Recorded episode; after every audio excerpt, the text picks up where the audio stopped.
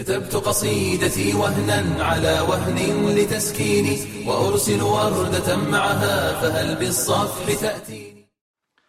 بسم الله الرحمن الرحيم الحمد لله رب العالمين والصلاة والسلام على محمد وعلى آله وصحبه أجمعين. ثم بعد السلام عليكم ورحمة الله وبركاته. Cijena vraća, poštovane sestre, mi se večeras, mi se večeras družimo ponovo sa Ibn Kethirovim Al-Bidao Nihaj, početak i kraj iz istorije Islama. E, prošli put smo govorili, ili smo spomenuli kraj samog Monte, Montesera i njegovo dakle, ubistvo šest mjeseci nakon što je ubio svoga oca.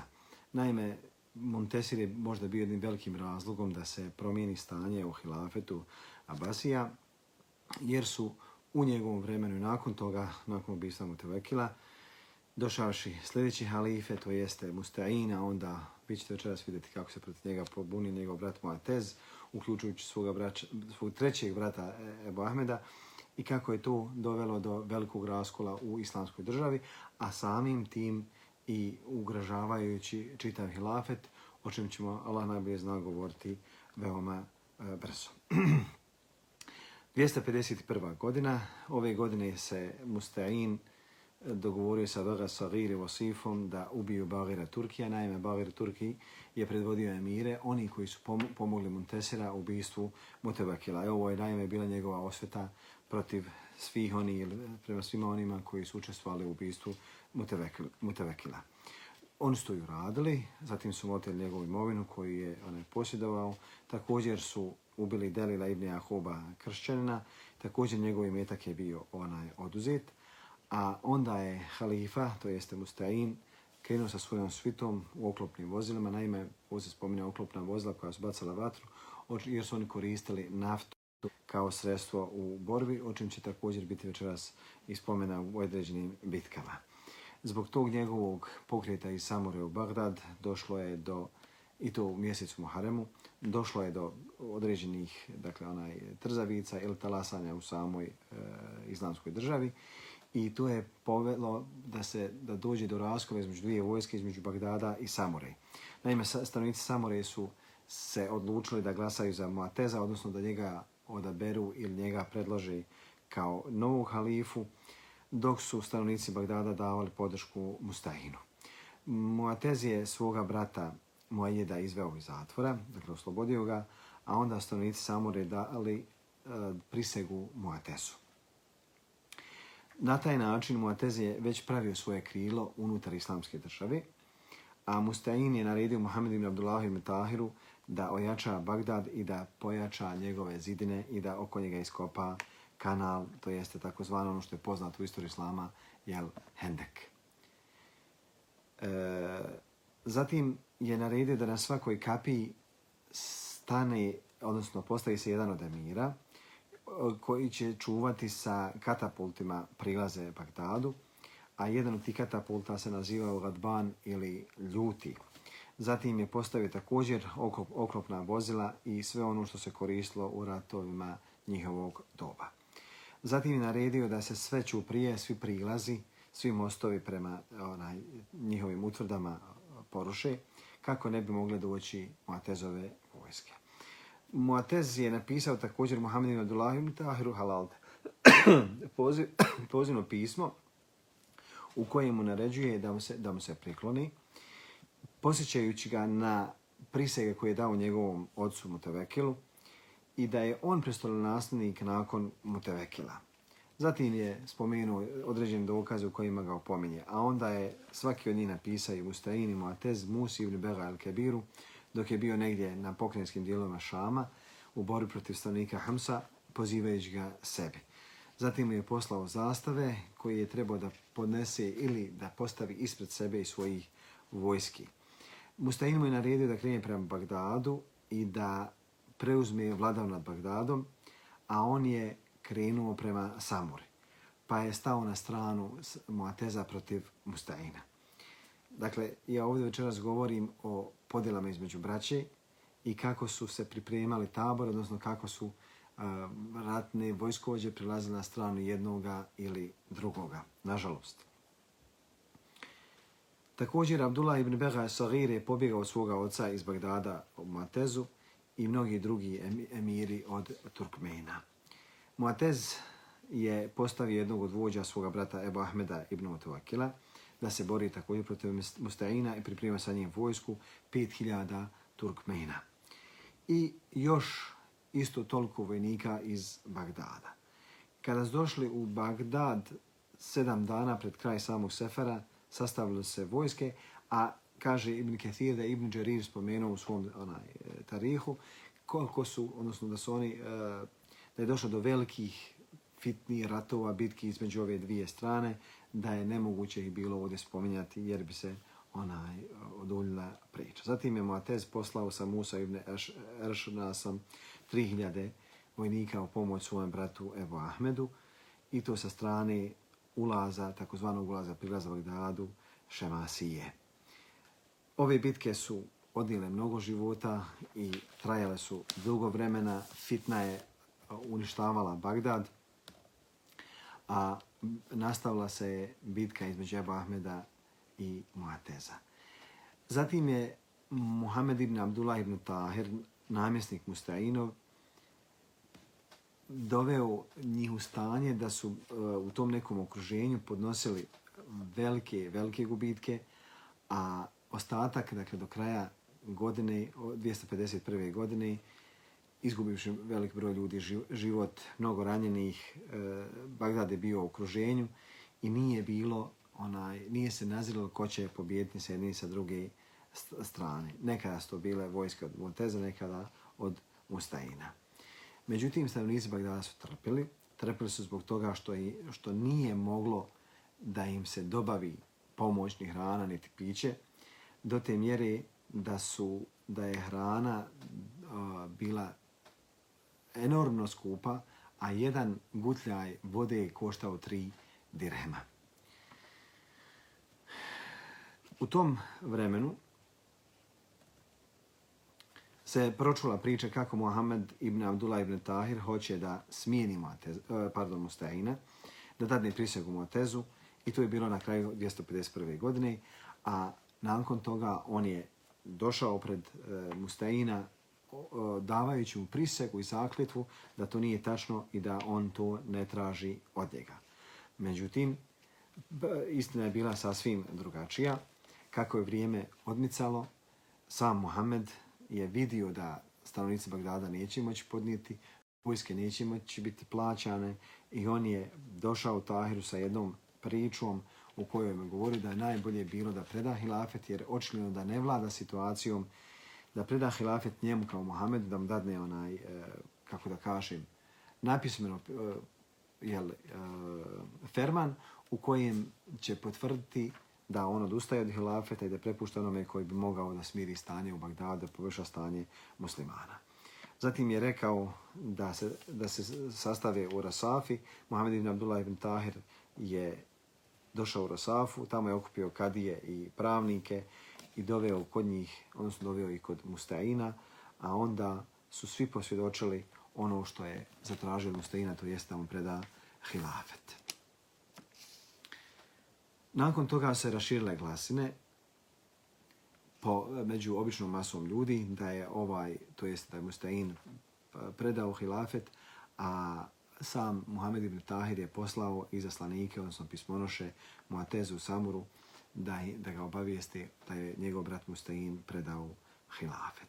251. godine se pojavio čovjek, od, pozivaju se na Ehl Bejtu u Kazvinu i Zenđanu u Rabiju Evelu, o iste ove godine, po imenu Husein ibn Ahmed ibn Ismail, ibn Muhammed ibn Ismail al-Arqat, ibn Muhammed ibn Ali ibn Husein ibn Ali ibn Abi Talib.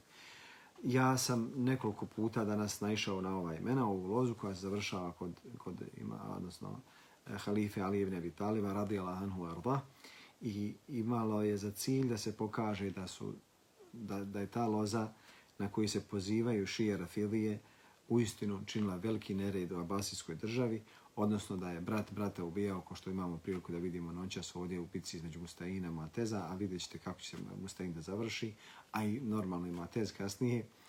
Zatim između njega i ovoga, Ebu Ahmeda i Mojida, Mojida, a prije toga kako je, na primjer, Mutasir ubio svoga brata, Mutevak, eh, svoga oca Mutevakila.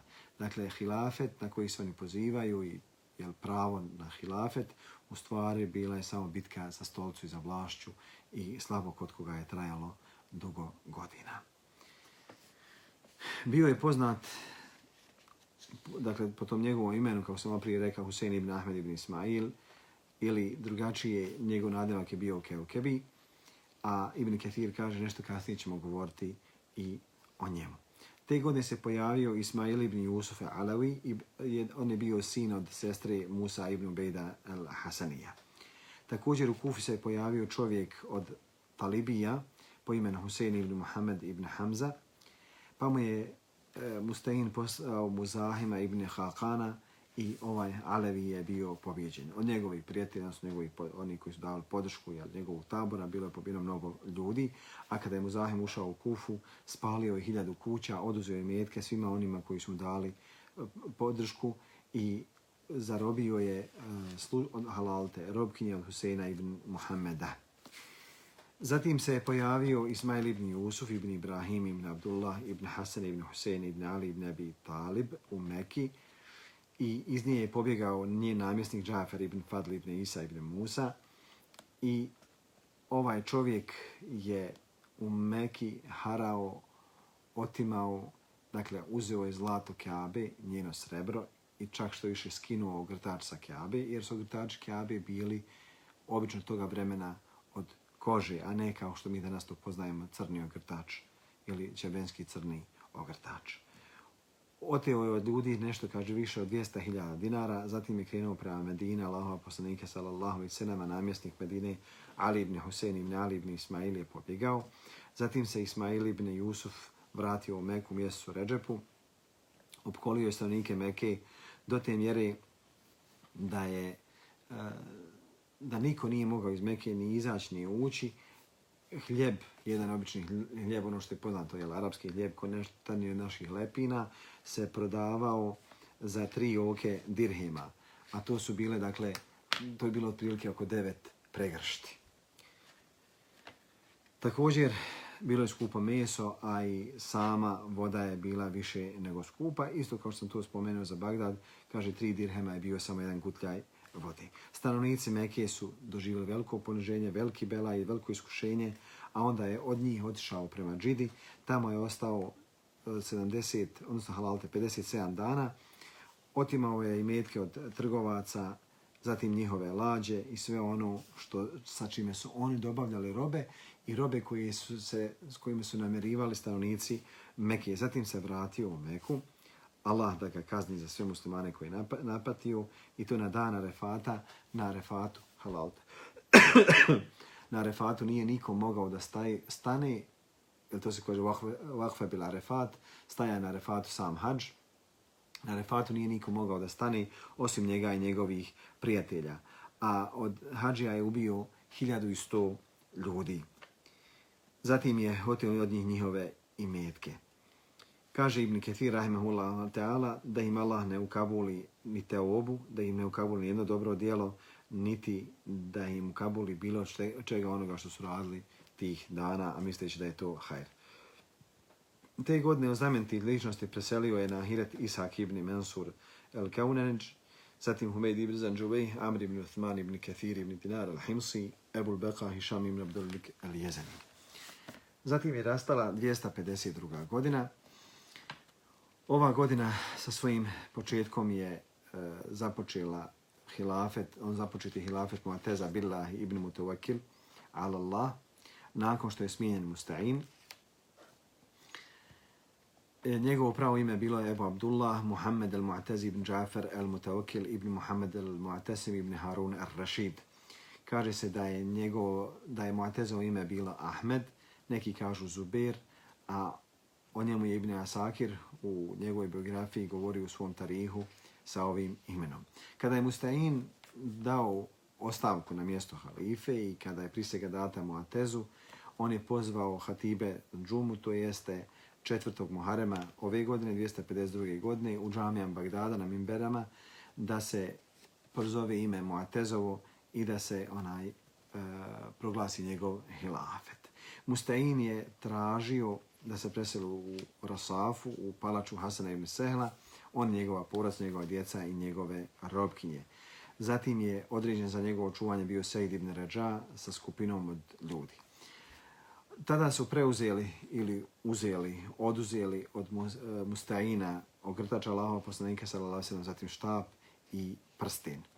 Prsten halife, a ne prsten Allahova poslanika sallallahu alejhi ve sellem.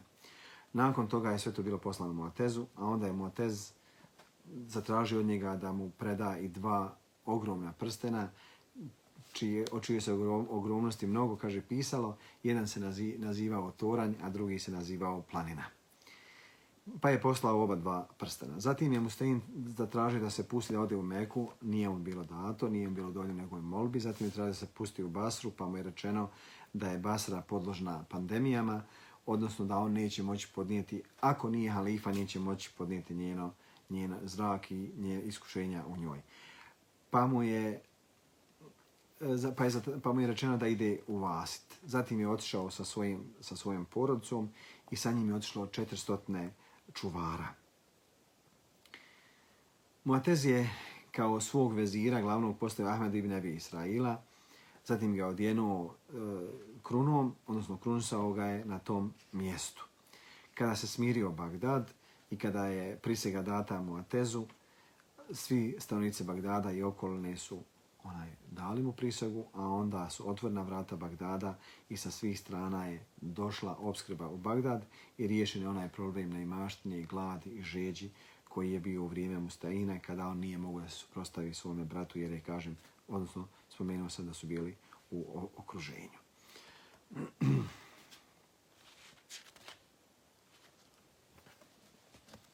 Muatez je pisao i Samure, namjestnik Bagdada, Muhammed ibn Abdullah ibn Tahiru, da se imena Vasifa i Beri uklone sa svih ministarstava, svih spisa koji su prije, gdje su njihova bila imena spominjana.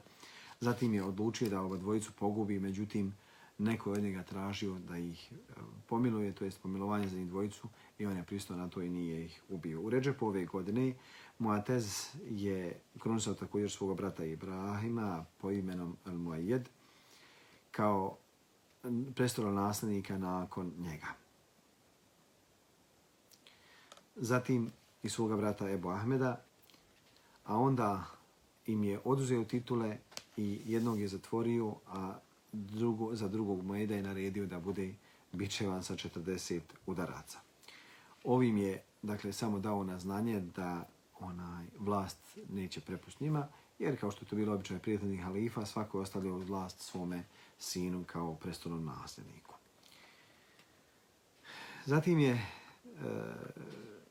e, Mojed bio ubijen neki 15 dana iza ovoga događaja, a kaže se da je njegovo ubistvo bilo na različite načine, odnosno neki kažu da je bio strpan u neku vreću od kože, da je ugušen, drugi kažu da je udaran e, da je bio stavljen, e, kako da kažem, ovdje kaže udaran ledom, ali u stvari da je bio smrznut ledom, da ne bi ostalo tragove na njegovom tijelu, da je ona bio nasilno usmrćen, a onda su bili pozvane kadije i svjedoci da vide kako je njegova navodna smrt bila prirodna.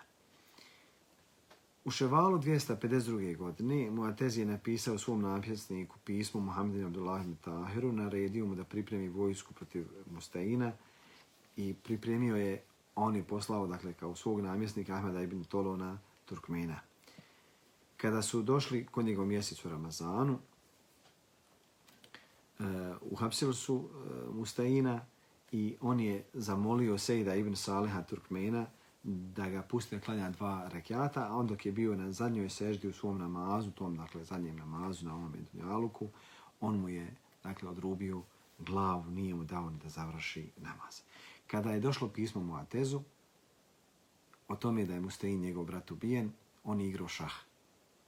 I glasnik kada ušao kod njega, on kaže sačka da završim partiju, a onda samo okrenuo i rekao, kada je završio partiju šaha, rekao, ovaj, zakopajte ga i ništa više. Zatim je poklonio Sejid ibn Salihu, koji je ubio njegova brata, 50.000 dirhema i dao mu namjesništvo nad Basrom. Ove godine je preselio Ismail ibn Jusuf al-Alawi, onaj koji je činio nered e, po Meki od dakle, onaj, ubijanja hađija i svega onoga od pljačke i tako dalje, Allah Đelšanu je požurio samo njegovo, ovaj, njegov nestanak sa zemlje. Ove godine je preselio Ahmed ibn Muhammed al-Mu'atesi. Zatim je nastala 253. godina u Ređepu. Ove godine Mu'atez je dao, odnosno krunisao Muhammed od Halalte Musu ibn Begal Kabira i postavio je kao namjesnikom velike vojske, odnosno i tom prilikom ga pripremio sa vojskom da idu u napad protiv Abdulaziza ibn Abi Delefa u Hamezanu. Jer je tamo navodno odbio poslušnost i sa sobom je poveo 4000 vojnika, dok je sam Abdulaziz ibn Delef imao 20.000 vojnika. I fakat 4000 vojnika pod vodstvom Muhameda su pobijedile Abdulaziza i njegovu vojsku.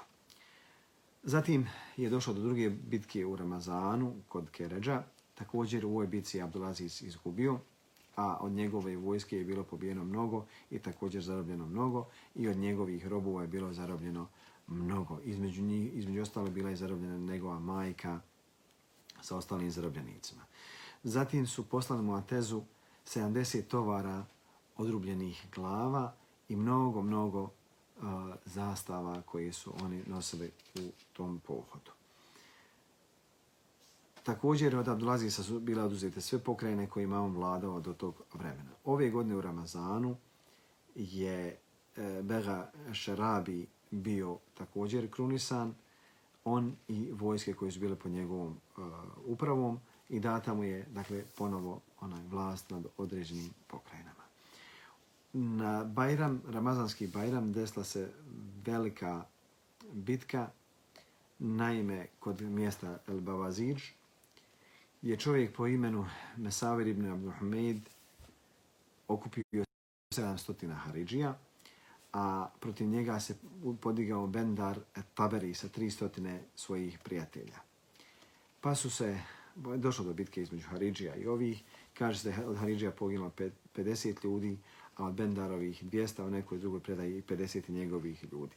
Bendar je bio ubijen između onih koji su dakle, poginuli Rahimehullahu ta'ala, a Mesavir je krenuo prema Halevanu, pa se stanovnici Halevana pobunili sa stanovnicima od Harasana protiv njega. Pa je Mesavir od njih ubio otprilike 400 ljudi. Također, od njegovih vojske je poginulo mnogo ljudi i mm, pred mjeseca Ševala iste te godine je bio i ubijen Vasif Turkmen. Ta godina također, Ibn Kathir kaže, ove godine je došlo do pomračenja sunca u Zulkadetu, 14. Eh, Zulkadeta i kad se završio pomračenje eh, mjeseca, Te noći je umro Mohamed ibn Abdullah ibn Tahir, namjesnik Iraka, odnosno namjesnik Bagdada u Iraku. On je bolovao od nekih dakle, bolesti, odnosno imao čireve raširene po tijelu, po glavi i po, u grlu, unutar onaj, u grlu, pa ga je to ukušilo, Allah najbolje zna. Nakon njega je dženazu mu je e, trebao da klanja njegov brat Ubejdullah i njegov sin Tahir, pa je došlo između njih dvojice do bitke i, do, i svađi da se potegle sablje, a onda se onaj njegov brat je preuzeo njegovo tijelo i klanjao mu dženazu. Kad je Muatez čuo šta se desilo, on je nagradio onaj Ubejdullaha i dao mu da vlada, da nastaje onaj vladati Bagdadom. Ove godine u, na kraju samo Zulkada se susrela vojske Musa ibn Bega al-Kabira i Husena ibn Ahmeda al-Kaukebija, al-Talibija, koji se pobuni 251. godine u Kazvinu i došao do velike bitke u kojoj je Keukebi izgubio onaj samu bitku, a Musa je preuzeo Kazvin. Keukebi je pobjegao u Dejlem, a Ibn Đerir spominje dakle, i bitku u kojoj je Keukebi kada se susreo e, sa, sa ovom vojskom rekao svojim, svoje vojsci da koriste kožne štitove, jer strijele ne mogu se zabosti u štavljenu jaku debelu kožu, pa je Musa ibn Bega naredio svojim prijateljima da po njima prospu naftu i da je zapale, pa kada je ova vojska počela da gori, da gori, dakle, oni njihova onaj, e, oružje, ti štitovi, razbježali se na taj način je Keukebi izgubio ovu bitku, a Keukebi je pobjegao prema e, Dejlemu. Zatim je Musa preuzeo vlast nad Kazvinom. Ove godine Hadž predvodio muslimana Abdullah ibn Hamed ibn Suleiman e, Ove godine od znamenitih ljudi preselili su Ebu Lešas, zatim Ahmed ibn Sejda Darmi, zatim Siri Sahati, jedan od velikih šejhova Sufija, učenik od Marufa Kerhija, čovjek koji se bavio trgovinom, e, za njega se prinosi mnogo predaja o njegovom zuhdu, njegovoj badi, njegovoj dobroti i tako dalje, gdje je ovdje nekoliko dakle, tih događaja spomenuo i kako je on e, krenuo putem zuhda. Imao je 98 godina i za njega se kaže, Džuneid kaže, nisam ga, nikad ga niko za tih 98 godina nije vidio, odnosno to njegovom periodu zuhda, jel, sufizma, nije ja vidio da leži, osim kad se razbolio pred smrt. Rahmehullahu ta'ala. Prenosi se od Ebu Bedi ibn Harjeveve da ga je vidio e, serija u e, uh, ili Surija da ga je vidio u snu, pa kaže šta je Allah učinio sa tom, kaže oprostio mi je i svakome onaj koji je bio na mojoj dženazi. Pa sam rekao, de vidi, ja sam bio jedan koji su bili na tvojoj dženazi i koji je klanjao ti dženazu. Kaže, pa je onda otvorio defter ili neko, nešto onaj, gdje je bio spisak, pogledao pa nije vidio, kaže, moje ime. Pa sam rekao, naprotiv, ja sam bio, a moje ime je bilo među onom svitom, odnosno pratnjom. Zatim je nastala 254. godina. Ove godine je halifa Muatez naredio da se pogubi Bega Šerabi, zatim da mu se glava postavi u Samori, zatim u Bagdadu, da mu se tijelo spali, da mu se oduzme i metak i sve ono što je bilo po njegovom rukom, od, eh, dakle, ono što je on e, posjedovao. Ove godine je halifa postavio Ahmeda ibn Tolona namjesnikom Egipta i on je tamo u Egiptu sagradio veliku džamiju, zatim e, na hađe predvodio muslimane Ali ibn Husein ibn Ismail ibn Abbas ibn Muhammed. O znamenite ličnosti ove godine preselio Zijad ibn Ayub Hasijani, Ali ibn Muhammed ibn Musa Rida. Zatim Ebul Hasan Ali Lahadi, za njega kaže, njegovo pravo ime je uh, odnosno, Halalte. Ali Lahadi ibn Muhammed al-Jawad ibn Ali al-Rida ibn Musa al-Kathib ibn Ja'far al-Sadiq ibn Muhammed al-Baqir ibn Ali Zain al-Abidin ibn Hussein al-Shahid ibn Ali ibn Abi Talib jedan od imama Isna Ašarija. On je otac od Hasana ibn Ali al-Askerija, kojeg on iščekuje dan danas koji je nestao u Samori. Onako kako to stvrde, dakle, džahili od e, Šija Rafidija, iako se to pripisivalo samo jednoj sekti, danas svi oni vjeruju u to. Od se radi o čovjeku Abidu Zahidu, kojeg je Mutevekil preselio u Samuru i tamo je ostao 20 godina nešto malo onaj, i nešto malo više mjeseci. Umro je ove godine, to jeste 254. godine, a Mutevekil, kada je čuo da u njegovoj kući se, se nalazi oružje, to jeste, to je bio samo znak da će on navodno da napravi pobunu, poslao je po njega da ga dovedu i kad su ga doveli pred njega, zatekli su ga u stvaru njegove kući da nema fakat ništa i da je bio na prašini, A kad su ga doveli pred Mutevekira, Mutevekir je vidio na njegovu odjeći prašinu, to jeste čovjek bio i badat. I zateko je Mutevekila sa vinom. Kaže, počas se, kaže, molim te, ja miral mu'mininu ima Allaha, da znaš da moj stomak se nikad nije, moj trbuh, moj žaldan se nikad nije pomiješao sa takvim nečim i moje tijelo i moje krvi, molim te da me poštediš. Kaže, pa ga je poštedio. Onda mu je Mutevekil naredio da mu dakle nešto kaže od pjesama, ovdje Ibn Ketir spominje jednu dugu pjesmu i na kraju nje zadnji stih kaže dugo vremena ste jeli i odijevali ste, a evo danas ste osvanuli nakon što ste se najeli da ćete vi biti pojedeni. To jeste, poješće ih crvi u kaburima. Kaže mu Tevekil je zaplakao do te mjere da se ispod njega onaj pod nakvasio i svi oni koji su bili u njegovom društvu. A onda je naredio da se vino odatle ukloni i naredio da se njemu dadne 4000 dinara, dinara zatražio od njega halala i vratio ga počašćenog kući. Zatim je nastala 255. godina. Ove godine je došlo do bitke između Mufliha i Hasana ibn Zejda Talibija, pa ga je Muflih pobjedio i e, ušao u Taberistan. Zatim je spalio kuću od Hasana ibn Zejda i krenuo za njim prema Dejlemu. Ove godine je došlo između velike bitke do velike bitke između Jakova ibn Lejsa i Alija ibn Huseina ibn Korešija ibn Šibla.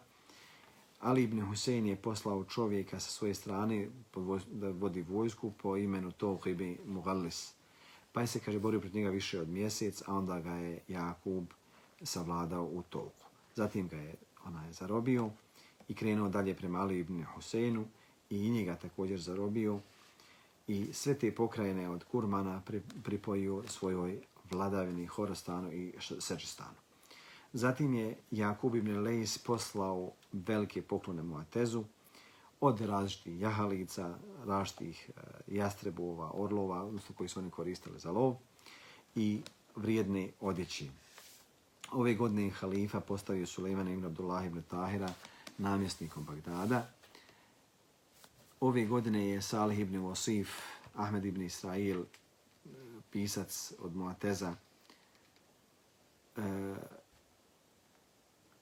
preuzeo zajedno sa Hasanom ibn Muhaldom mm, eh, pisem od Kabihe Umul Muatez i Ebu Nohise ibn Ibrahima, odzeo od njih i metak jer su oni bili, hajde kažemo, toliko iskorumpirani da su se dogovorili da opljačkaju cijeli Betul Mal. Kaže, oduzeo im imovinu, a zatim je naredio da budu bičevani.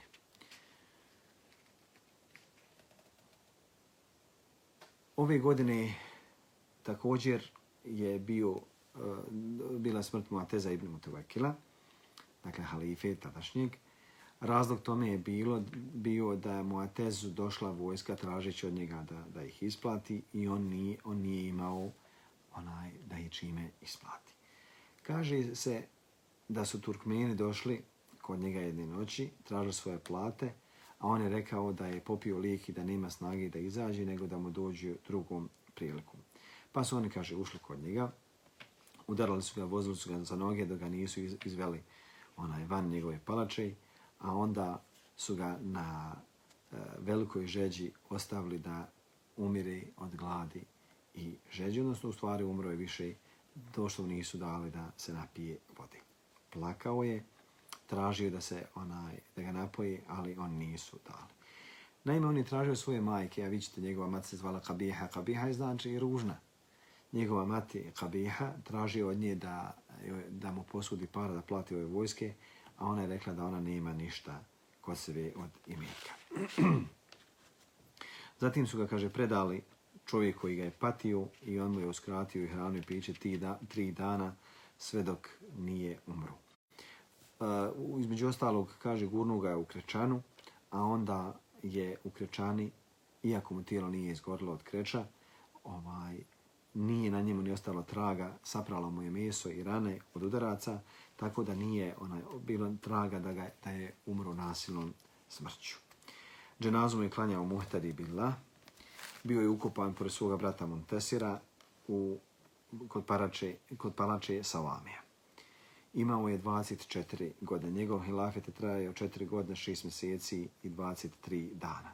Bio je visok, krupna tijela, lijepog izgleda, povijena nosa, okruglog lica, lijepo se smijao, imao bijelu kožu, crnu kosu, kovrđavu, zatim gustu bradu, lijepe oči i imao je e, spojene obrve rumen u licu.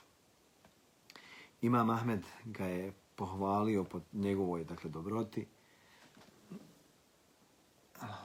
Imam Ahmed ga je pohvalio po njegovoj dobroti i odnosno njegovoj pameti i razboritost. Ako se sjećate kada je tražio njegov otac da mu te vekil da ga nešto nauči, a on rekao dok je bio još male, a on kaže ako bude imao šta da me nauči, ja ću naučiti. Pa ja, ja imam Ahmed rekao da je razbor, odnosno da je pametan. Jednom prilikom kaže Ali ibn Harb je ušao kod, kod Muateza i kad ga je vidio koliko je lijep, učinio je seždu. Pa mu je rekao, ja ših, začiniš seždu nekom ima Allaha? Kaže, ne, nego, sam, nego se prenosio da je Asima, Bahaka ibn Muhaleda je Nebila, da, se, da mu je rekao Bekar ibn Abdulaziz ibn Abi Bekre, ono svog oca, ono djeda, da je Allah poslanik se rekao kada neko vidi nešto što, čemu se obraduje ili bude obradovan nečim što mu je drago, neka učini seždu Allahu džele vahala. Nakon toga dolazi hilafet Muhtede Billah, Ebu Muhammed Abdullah Muhammed ibn Wasiq ibn Mu'tasim ibn Harun. Njemu je prisega data nakon, dakle ove godine 255. godine nakon što je smijenjen, a zatim ubijen Mu'tez. I to u, dakle, u njegovo vrijeme, odnosno jel, ubrzo nakon e, njegove smrti je, odnosno njegovu smjene je bio i proglašen halifom.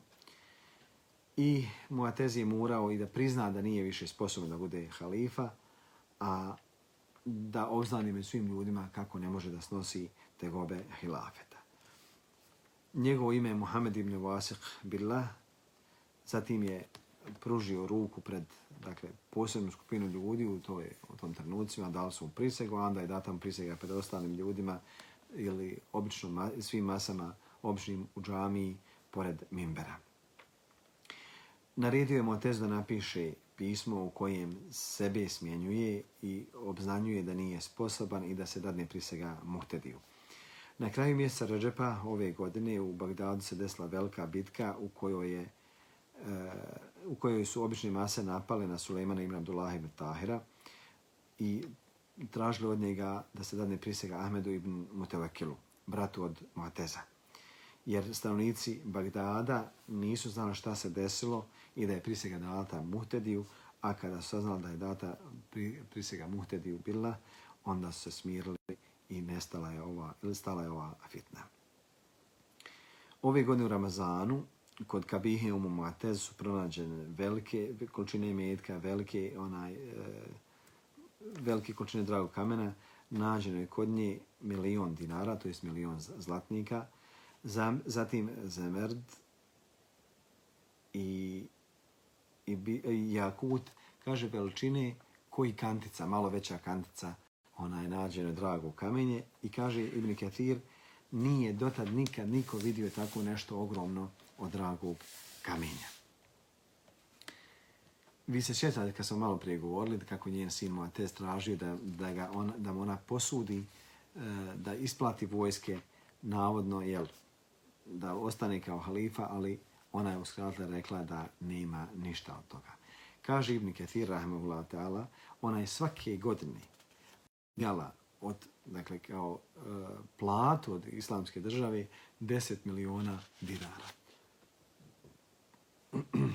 Međutim, sve to krila zajedno sa Salahom ibn Vasifom, koji je bio otvoren neprijatelj njena sina i kasnije se i udala za njega. Ali je posla ga u svojim dovama klela, uh, klela ga zbog toga što je bio razlog da ubije njenog sina i govorila gospodar ponizi Salaha ibn Vasifa, Vasifa kao što je on mene osramotio i ubio moje dijete, zatim rasturio moje porodcu, uzeo moj metak, protirao iz moje zemlje i počinio blud pored mene kao svoje žene. Nakon toga hilafet je ostao u rukama Muhtadi Billah. Njegov hilafet je bio hilafet ispunjen e, dobrotom, odnosno lijepim jednim periodom, jer Muhtedi Billah je bio čovjek sasvim drugačiji od prijedodnih halifa. U petak, tri dana pred sami kraj Ramazana, Salih ibn Vasif je naredio da se pogubi Ahmed ibn Israil, koji je bio eh, ministrom, glavnim ministrom, zatim Ebu Nuh Isa ibn Ibrahim, koji je bio kršćan, a navodno je obznanio islam, i bio je zapisničar od Kabihe. Svaki od njih je bio pogled na taj način što je bio bičevan sa 500 udaraca, a onda su bili postavljeni na mazge i tako su šetani kroz onaj grad, kroz ulice, sve dok nisu umrli od krvarenja. Međutim, Muhtedi nije bio zadovoljan sa ovom odlukom, ali nije imao ni snage se suprostaviti Salah ibn Vasifu, jer Salah ibn Vasif je bio prijetnja za njega i njegov hilafet. U Ramazanu iste ove godine desila se velika fitna u Bagdadu između Mohameda ibn Eusa i svi oni koji su ga slijedili od Šakirija i drugih vojnika i obične mase ljudi onaj u Bagdadu. Naime, obična masa je predstavljala 100.000 pristalica, a došlo je do bitke između jednog i drugog tabora, dakle, e, lukovima, strijelama, kopljima, zatim udaralo se čime su stigli i bitku je izgubio Mohamed ibn Eus i njegovi prijatelji. A onda su onda obična masa opljačkala ono što je mogla da opljačka i pronašli su 2 miliona dirhema u njegovim haznama. Ovo samo govori jednoj stvari, to jeste da Bagdad, odnosno Irak, nikada ne može biti miran. Nakon toga je halifa naredio da se protjeraju pjevačice sa palača i svi pjevačice i pjevači u Samuri. Zatim je naredio da se pobiju divlje zvijeri od, e, od lavova i leoparda i tako dalje, koji su bile na sultanove palači, zatim da se pobiju psi, lovački psi koji su se koristili za lov, naredio je da se zatvore sve ove kockarnice, da se vrati pravo svakom onome koji je učenja nepravda, da se naređuje dobro, se sprečava zlo, zatim da se kad je postave za obične mase, da se može saslušati problem običnih masa i njegov, njegova ovaj vilajet je, po, odnosno, je eh, pokrivao šam, a u drugim mjestima u islamskoj državi bilo je mnogo nevida. Zatim je pozvao halifu Musa ibn Bega al-Habira da mu se pridruži sa ostalim Turkmenima, a i tom prilikom se izvinuo zato što ga poziva i izlaže ga velikom naporu. Polovina ševa, ševala iste ove godine, 255. godine, u Bas se pojavio čovjek, tvrdio da je Ali ibn Muhammed ibn Ahmed ibn Isa, a u stvari radilo se o Ali ibn Muhammed ibn Abdur Rahimu. Njegovo porijeklo je bilo iz sela od sela Reja. On se također pojavio 249. godine i tvrdio da je Ali ibn Muhammed ibn Fadl.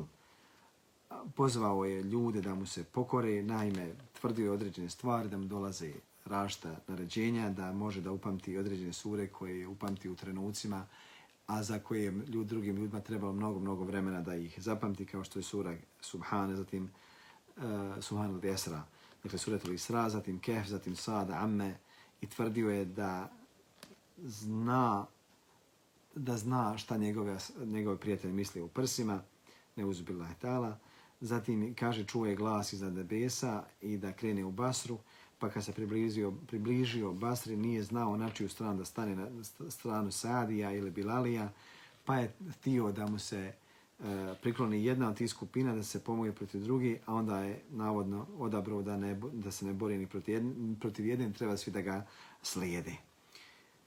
Njemu se suprostavio Muhammed ibn Ahad ibn Isa ibn Zaid i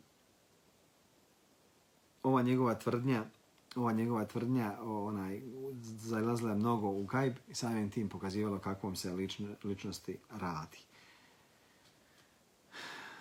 Zatim ga je Muhammed onaj, savladao svojom vojskom i oduzeto mu je bilo ono što je već bio uzeo od ljudi. Iako je oko, oko sebe oplja, onaj, okupljao velike vojske, pripremao vojske, ali je onaj izgubio bitku. Na njegovoj strani su uglavnom bili crnci, to jeste robovi, ali onaj Allah ga je ponizio i izgubio je ono te bitke protiv muhtedijevih namjesnika. Ove godine je preselio Džahiz el Mutekellim el Mu'tezil. Kad se kaže Mutekellim, misli se na dogmate. Čovjek kojim se pripisuje sekta Džahizija, zato što su Džahiz znači razroki, ona njemu njemu se također pripisuju novatarije, zablude, jer je mm, smatrao mnoge stvari, odnosno njegovi stavovi su mnogi vodili u kufr. Sa druge strane, čovjek je bio veoma pametan, vladao sa mnogim nauka, naukama, njegovi poznati dijela je Hayawan, zatim El Bejan i Tebijin. Ove godine je preselio Muhammed ibn Keram, čovjek kome se pripisuje i Keramije, čovjek koji je smatrao da je dozvoljeno da se izmišlja hadisa Allahom poslaniku sallallahu alejhi njegovim ashabima i drugima. Neki kažu da mu je bilo ime Kiram, Muhammed ibn Kiram, čovjek koji je nastanio Betul Magdis sve do svoje smrti. Slušao je predaje od Ahmeda ibn Abdullaha el-Hawasrija i Muhammeda ibn Tavima el-Harijanija, a oba dvojica su bili lažovi i oni koji su izmišljali hadise Allahom poslaniku sallallahu alejhi ve sellem. Zatim je nastala 256. godina. U jutro, u ponedjeljak 12. Muharrema, Musa ibn Begal Kebir je došao iz Samure, ušao je sa svojom velikom vojskom, pa su došli do kuće, odnosno palače Hilafeta, mada El Muhtedi nije koristio kao i prijetane halife palače. I on je u tom trenutku sjedio sa ljudima donoseći presude. Međutim, Begal Kabir, Musa ibn Begal Kabir je tražio kod njega e, dopuštenje za ulazak i kada je to potrajalo, to je je potrajalo, oni su pomislili da, da ih je Muhtedi pozvao kako bi ih predao Salah ibn Wasifu. Jer to su bile sve opasne ličnosti, i Musa i Saleh. Kaže, pa su ušli kod njega, napali su ga, onda su ga izvukli za kragnu, pa njima kaže, ljudi šta vam je, bojte se Allaha. Ja sam, kaže, poslao po vas da vas pripremim, da se pripremimo protiv Salaha ibn Wasifa. Kaže Musa, polahko, haj se ti, kaže, zakuni da istina to što je se rekao. Kaže onaj e, muhtedi, zaključ se sa, za sve ono što tražite od mene, ali morate se smijeti. Kaže, pa su od njega uzeli prisega i zakletve i između ostalog da neće stati na stranu Saliha ibn Wasifa. Zatim su poslali da se potraži Salih ibn Wasif da dođe da se završi rasprava između njega i njih zbog čega je on e, uklonio mu ateza i svih onih koje je pobio e, u tom vremenu. Kaže pa je Salih obećao će doći, a onda je pobjegao i nije se više znalo za njega gdje je otišao i kako je otišao. Zatim je, kaže, vraćen na namjesništvo Suleiman ibn Abdullah ibn Tahiru u Bagdadu, a njegov glavni vezir je bio Abdullah ibn Muhammed ibn Jezdad. Kada je kada se više nije mogao da pronađe Salih ibn Wasif, Musa ibn e, Bega al-Kebir i njegov prijatelj su rekli, hajmo smijeniti ovoga čovjeka, to jeste Muhtedija. Pa je, kaže, neko od njih rekao, kako ste smijeniti čovjeka koji ne pije alkohol, ne čini onaj razvrat, tako mi Allaha, kaže, on nije kao i prijateljne halife. A onda je Muhtedi čuo za ove njihove namjere, pa izašao među njih, sukao sablju i sjeo na svoje prijestoje. I on kaže, pozvao Musu ibn e, Bega el Kabira, njegove prijatelji, kaže, čuo sam šta hoćete od mene, tako me Allaha, ja sam, kaže, izašao među vas, spreman da umrem, to jeste, da poginem, evo moje sablje. Tako me Allaha, neće, kaže, e, niko se pomaći prije nego što ga ja poravnim sa zemljom. Neće, kaže, niko meni skinuti dlaku sa glave, a da za tu istu dlaku neće neko od vas izgubiti život. Šta hoćete, zar onaj vida nemate? Kako se protivite Allah, protiv Allaha, dželle vala? Zatim im je, onaj, zatim su od njega zatražili da im dadne ponovo prisegu, a on njima kaže, odnosno zakljet, on njima kaže, što se tiče zakljetve nema problema, ali neću sada, nego ću vam dati, kaže, kasnije ja za zakljetvu. Tu će, kaže, biti prisutne kadije Hašimija i kadije pravednih ljudi i oni koji su onaj, koji će sutra naći na džumi namazu. Ubrzo su i uhvatili Salah ibn Wasifa, zatim je, kaže, bila mu odrubljena glava, donešena pred Muhtedija, a kada je on završio akšam namaz, ništa nije rekao na to, nego je samo rekao zakopajte ga. A onda je nastavio sa svojim tespihom i zikrom. Kada je došlo sljedeće jutro, to jeste sljedeći ponedjeljak, njegova glava je bila postavljena na koplje, a onda je svugdje sa svih strana bili su ljudi onaj pozvani da vide kako je završen, kako je završila njegova jel, ta uprava, iako je bio opasan čovjek. Kada je Musa ibn Bega el-Kebir čuo za Mesaura Šarija i kako je e, širio fesat na zemlji, odnosno nered na zemlji, poslao je Mufliha i Bajkbaka e, Turkmena. Došlo je do velike bitke između ove ličnosti i ovdje se radilo o jednom drugom problemu, a to jeste Muhtedi je znao da Turkmeni neće se smiriti dok ne osvijete svoje pogubljene ljude. Kaže se da je Muhtedi pripremio vojsku od Marokanaca, Faragina, Šrusija, Ezerkešija i pojedinih Turkmena, jer je znao da će Musa ibn Begal Kabir doći iz Horasana da se bori protiv njega. Muhtedi je naredio da se pogubi Bajkbak, a onda kad su došle vojske od Musa ibn Kabira, svi oni Turkmeni koji su bili na njegove strane stali su na stranu Muse ibn Bega el Kabira. Oni su onaj se e, suprostavili Muhtediju i svrgnuli su ga sa trona hilafeta i dali su da bude ubijen rahimehullahu ta'ala. Njegov hilafet je bio nešto manje od godine, dakle 350 dana, to jeste hiržeska e, godina manje od 5 dana. Rođen je bio 219. godine. Bio je tamnoput, mršav, poguren, lijepe brade, a njegova kuna je bila Ebu Abdullah. Dženazom je klanjao Džafer ibn Abdul Wahid, a ukopan je pored Montesira ibn Utevakila. El-Hatib kaže bio jedan od najboljih halifa jer je išao putem Omera ibn Abdul Aziza, rahimahumullah ta'ala, ečmein. Bio je poznat po svome zuhdu i svome ibadetu. I čovjek u čijoj se palači nije moglo naći ništa, u njegovoj kući nije se moglo naći ništa, osim što se moglo naći kod običnog naroda. Kaže, neki prenosioci njegove biografije govore za njega da je Muhtedi od dana kada je prihvatio hilafet postio svaki dan, rahmeullahu ta'ala. Nakon toga dolazi hilafet Mu'tamida ala Allah, njegov ima Ahmed ibn Mutwakil ala Allah, poznat po Ibn Fetajan. Njemu je hilafet, ili prisilna hilafet data u utorak, 13 noći, odnosno 13. noć mjeseca Ređepa ove godine, to je 256. godine. Ove godine od znamenti ličnosti na Ahiret je preselio uh, imam Muhammed ibn Ismail el-Buhari.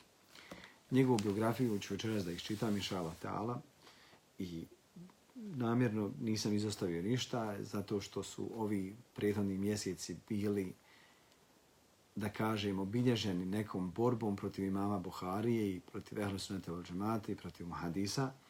Zatim pojedini, pojedinci koji Allah Đašanu ponizio time što su optuženi i smijenjeni za malverzacije sa islamskim metkom e, i njihovim stavovima imamu Buhari i kako njegova knjiga nije sveta i tako dalje. Imam Ibn Kathir, spominje ovdje njegovu siru, dakle njegovu smrt 256. godine i ja kažem, dakle ciljano ću večeras da iščitam čitao njegovu siru, ako se ne odnosi dakle nekih možda tri strance, ali ispunjena veoma, veoma korisnim e, informacijama. Kaže, on je autor Sahiha. Ibn Kathir kaže, ja sam već spominjao njegovu biografiju, biografiju prije, ali spomenut ću, kaže ovdje, onaj radi pravednosti. Njegov ime Muhammed ibn Ismail ibn Ibrahim ibn Mughire ibn Jezerzbeh el-Džafi. El-Bukhari el-Hafiz.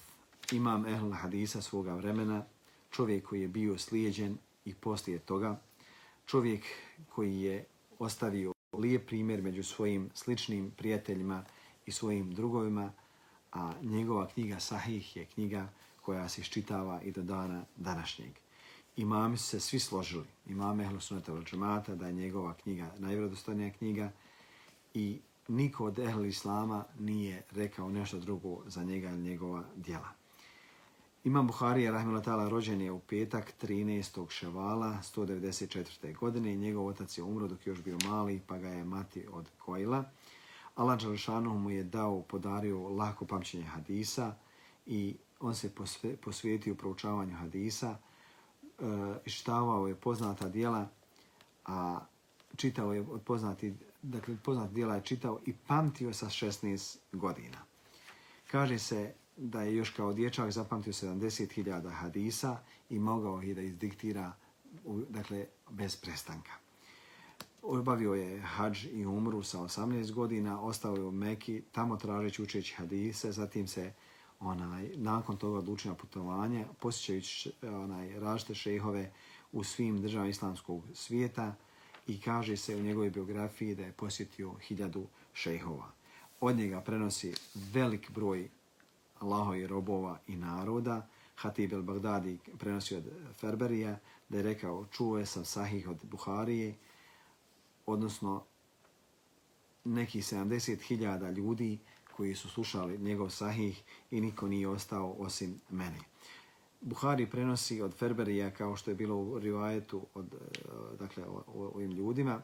Zatim prenosi od, Ibn, od Hamada ibn Šakra, Ibrahima ibn Muakila, Tahara ibn Muhaleda, i mnogi drugi kao Ebu Talhe, Mansura ibn Muhammeda ibn Alija al-Berdi al-Nesefija, a Nesefi je preselio 329. Eh, godine. njega je također ocijenio kao povjerljivim emir Ebu Nasr ibn Makola. Zatim prenosi se od Buhari, prenosi od Buhari od muslima i u nekim drugim dijelima mimo Sahiha. Muslim je bio njegov učenik, cijenio je mnogo svoga učitelja, a od njega prenosi Tirmizija u svom džamija. Zatim Nesai u svojim sunenima. Ušao je u Bagdad, odnosno došao je u Bagdad ili posjetio je Bagdad deset puta. Svaki put se sastao sa imamom Ahmedom, a imam Ahmed je tražio, odnosno od njega molio je da ostane u, da živi u Bagdadu. E, dakle, ružio ga što živi u Harasanu. Buharija je znao u jednoj noći ustati toliko puta, upali svijeću da zabilježi neku korist koja, koju bi se sjetio ili koju bi zaključio iz hadisa i to bi ponovio po 20 i više puta. Dok je bio dijete, izgubio je vid, a onda je njegova mate usna san u kojoj Ibrahim a.s. kaže o ti, Allah je vratio tvom djetetu vid samo zato što si mnogo dovela, a u drugoj predaje mnogo plakala. Kaže, kad su osvanuli, njemu se vid vratio. Buharija kaže, ja sam rano pošao da pišem, pa sam od Musanifa napisao 200.000 hadisa sa senedima, to jeste sa lancima. I pamtio je sve ove hadise. Ovdje se ne radi o sahihu ili ne sahihu, nego 200.000 hadisa koji je pamtio onaj jedne i druge i dobre i slabe hadise. Jednom prilikom se sakupile alimi u Semerekandu, Alim Hadisa pa su mu pomiješali senede i pomiješali su mu ravije iz Šama i iz Iraka, zatim su pomiješali i metnove, to jest tekstove Hadisa, pa ih je on, kaže, poredao e, svako, bez i da je pogriješio i kod jednog čovjeka ili jednog teksta Hadisa. A oni čak što više nisu ga mogli tome da prate. Isto je to, kaže, uradio i u Bagdadu kaže se za imama Buhariju da bi jedan put pogledao neku knjigu i odmah bih je zapamtio i mnogo je predaja o njegovoj oštroumnosti, njegovoj pameti. Njega su pohvalili mnogi ljudi, njegova vremena, njegovi šehovi, njegovi prijatelji. Mahmed kaže, Horasan nije rodio boljega od njega, ali Ibn Medini kaže, Buharija nikada neće vidjeti, odnosno nikada nije vidio nekoga sličnoga sebi. Isak Ibn Rahavoj kaže da je bio u vremenu Hasana, ljudi bi tražili od njega hadis i spoznaje, a znao je da je najučeniji, da je najrazboritiji. Ebu Bekri ibn Abi Shejbe i Muhammed ibn Abdullah ibn Mir kaže nikada nismo upoznali čovjeka poput njega. Ali ibn Hajar kaže nisam upoznao nekoga sličnog Buhari.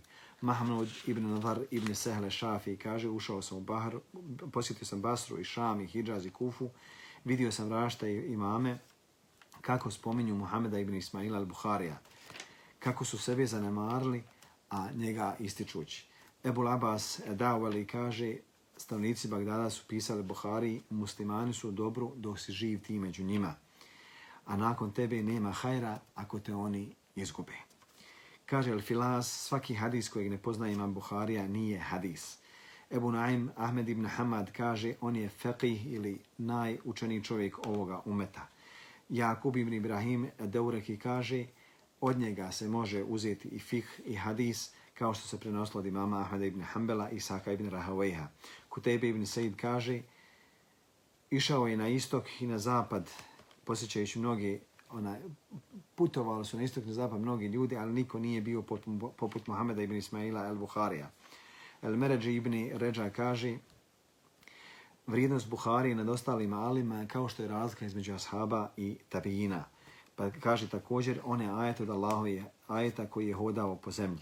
Ebu Muhammed Abdullah ibn Abdurrahman Darmi kaže, Muhammed ibn Ismail Buhari je bio učeniji od nas, pametniji od nas, bio je postojaniji od nas, bio je temeljitiji i više je tražio, odnosno hadise, nego što smo tražili mi. Ishak ibn Rahavej kaže, bio je obazritiji ili obazriviji od mene. Ebu Hatim Razi kaže, Muhammed ibn Ismail je bio najučeniji čovjek koji ušao u Irak.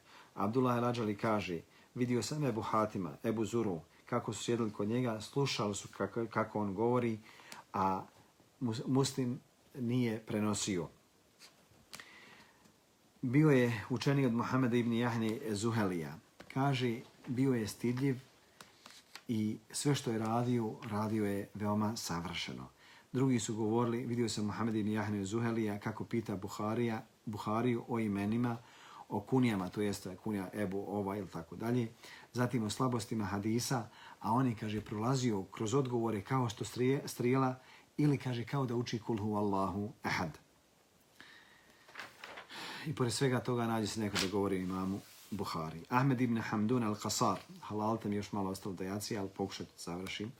Kaže, vidio sam muslima ibn Hadžađa, kako, kako je došao kod Buhari, poljubio, poljubio ga između očiju i kaže, molim te, dopusti mi učitelju, učitelja te poljubim uh, u noge. Ti si, kaže, najugledniji mu hadis, svi su hadisi, svi se hadise izliječio od njihovih nedostataka. Zatim ga je pitao o hadisu kefaretu, kefaret sjela, pa mu je spomenuo, a onda mu je muslim, muslim rekao, nećete mrziti osim zavidnik, a ja svjedočim da na Dunjalku nema čovjeka poput tebe. Imam Tirmizi kaže, nisam vidio u Iraku niti u Horasanu nekoga ko može da govori o slabostima hadisa, o istoriji i poznat, poz, eh, poznavanju lanaca Seneda, nekoga ko je bio kao Buharija. Jednog dana smo bili kod Abdullaha mi Munira, pa je rekao Buharija, Allah te učinio ugledom, odnosno ukrasom ovoga umeta, kaže Tirmizi, bilo mu je onaj i uslišana ta dova. Ibn Huzeme kaže, nisam vidio pod nebeskim svodom neko ako poznaje hadise bolje od Allahova poslanika sallallahu alaihi sallam, niti bolje pamti od Muhameda ibn Ismaila al-Bukharija. Kada bismo nabrojali u lemu po pitanju hifsa, po pitanju savršenstva, znanja, shvatanja, bogobojaznosti, zuhda i badeta, bilo bi, kaže, dugo da spominjemo, ali onaj i svega onoga što se može spomenuti jeste onaj da se istakne Muhammed ibn Ismail, imam El Buhari. Imam Buhari, rahmehullah ta'ala, bio je stidljiv čovjek, a istovremeno je bio je i hrabar. Bio je čovjek koji je davao, dijelio, kad god mu se ukazala prilika. Za sebe je govorio, nadam se i molim da se susretim sa Allahom, a da me ne upita da sam nekad nekoga ogovorio. Zatim se spominje od njegova, od njegove istorije, zatim o verifikaciji, valorizaciji hadisa i svemu onome što je dakle, sadržavala hadijska znanost. Rahmehullah ta'ala svaki noć je klanjao 13 rekiata. U mjesecu Ramazanu je svaki dan završavao po jednu hatmu. Trudio se, ulagao je mnogo imetka na tom putu, a isto tako je trošio na sirotinju, dijelio je sirotinji i danju i noću. Na dovu mu je Allah Žešan se onaj, odazivao, a bio je čovjek koji nije dolazio kod halifa ili sultana. Jednom prilikom je sultan eh, Halid ibn Ahmeda Zuheli poslao po njega i rekao da dođe da uči njegovu djecu, a on reče u kući u kojoj se nalazi znanje i blagost ti ljudi ne dolaze, nego njima se dolazi. Pa je ovaj nešto osjetio u prsima, htio je da mu se osvijeti, a onda je imam Buharija, kada je osjetio da će ga pogoditi fitna ovih ljudi, zamolio Allaha i rekao, gospodaru moj, usmrti nas da se vratimo tebi, da ne budemo u fitnu stavljeni. I to je bio razlog da se razboli, a umro je za, za Bajram 256. godine, Idul Fitr, to jeste Ramazanski Bajram. Imao je 62 godine, rahmehullahu ta'ala. Od njegovog kabura se, nakon što je bio ukopan, osjećao danima ugodan miris. Ljepši od samoga miska i to je, kaže, potrajalo dugo vremena, a iz njegovog kabura se vidjeli stubovi bijele svjetlosti prema nebesima. Ostavio iza sebe, rahmehullahu ta'ala, korisnu nauku za sve muslimane, njegova znanje se neće prekinuti sve do sudnjeg dana, inša Allah ta'ala. To je onaj koji je poslušao hadis Allahova poslanika, sallallahu alaihi sallam, kada je rekao, sallallahu alaihi sallam, kada umre čovjek, prekidaju se dijela osim u tri slučaja i između ostalog, ono što je prvo poslanik, sallallahu alaihi sallam, spomenuo jeste ilmun i bihi, znanje koje će koristiti drugim ljudima.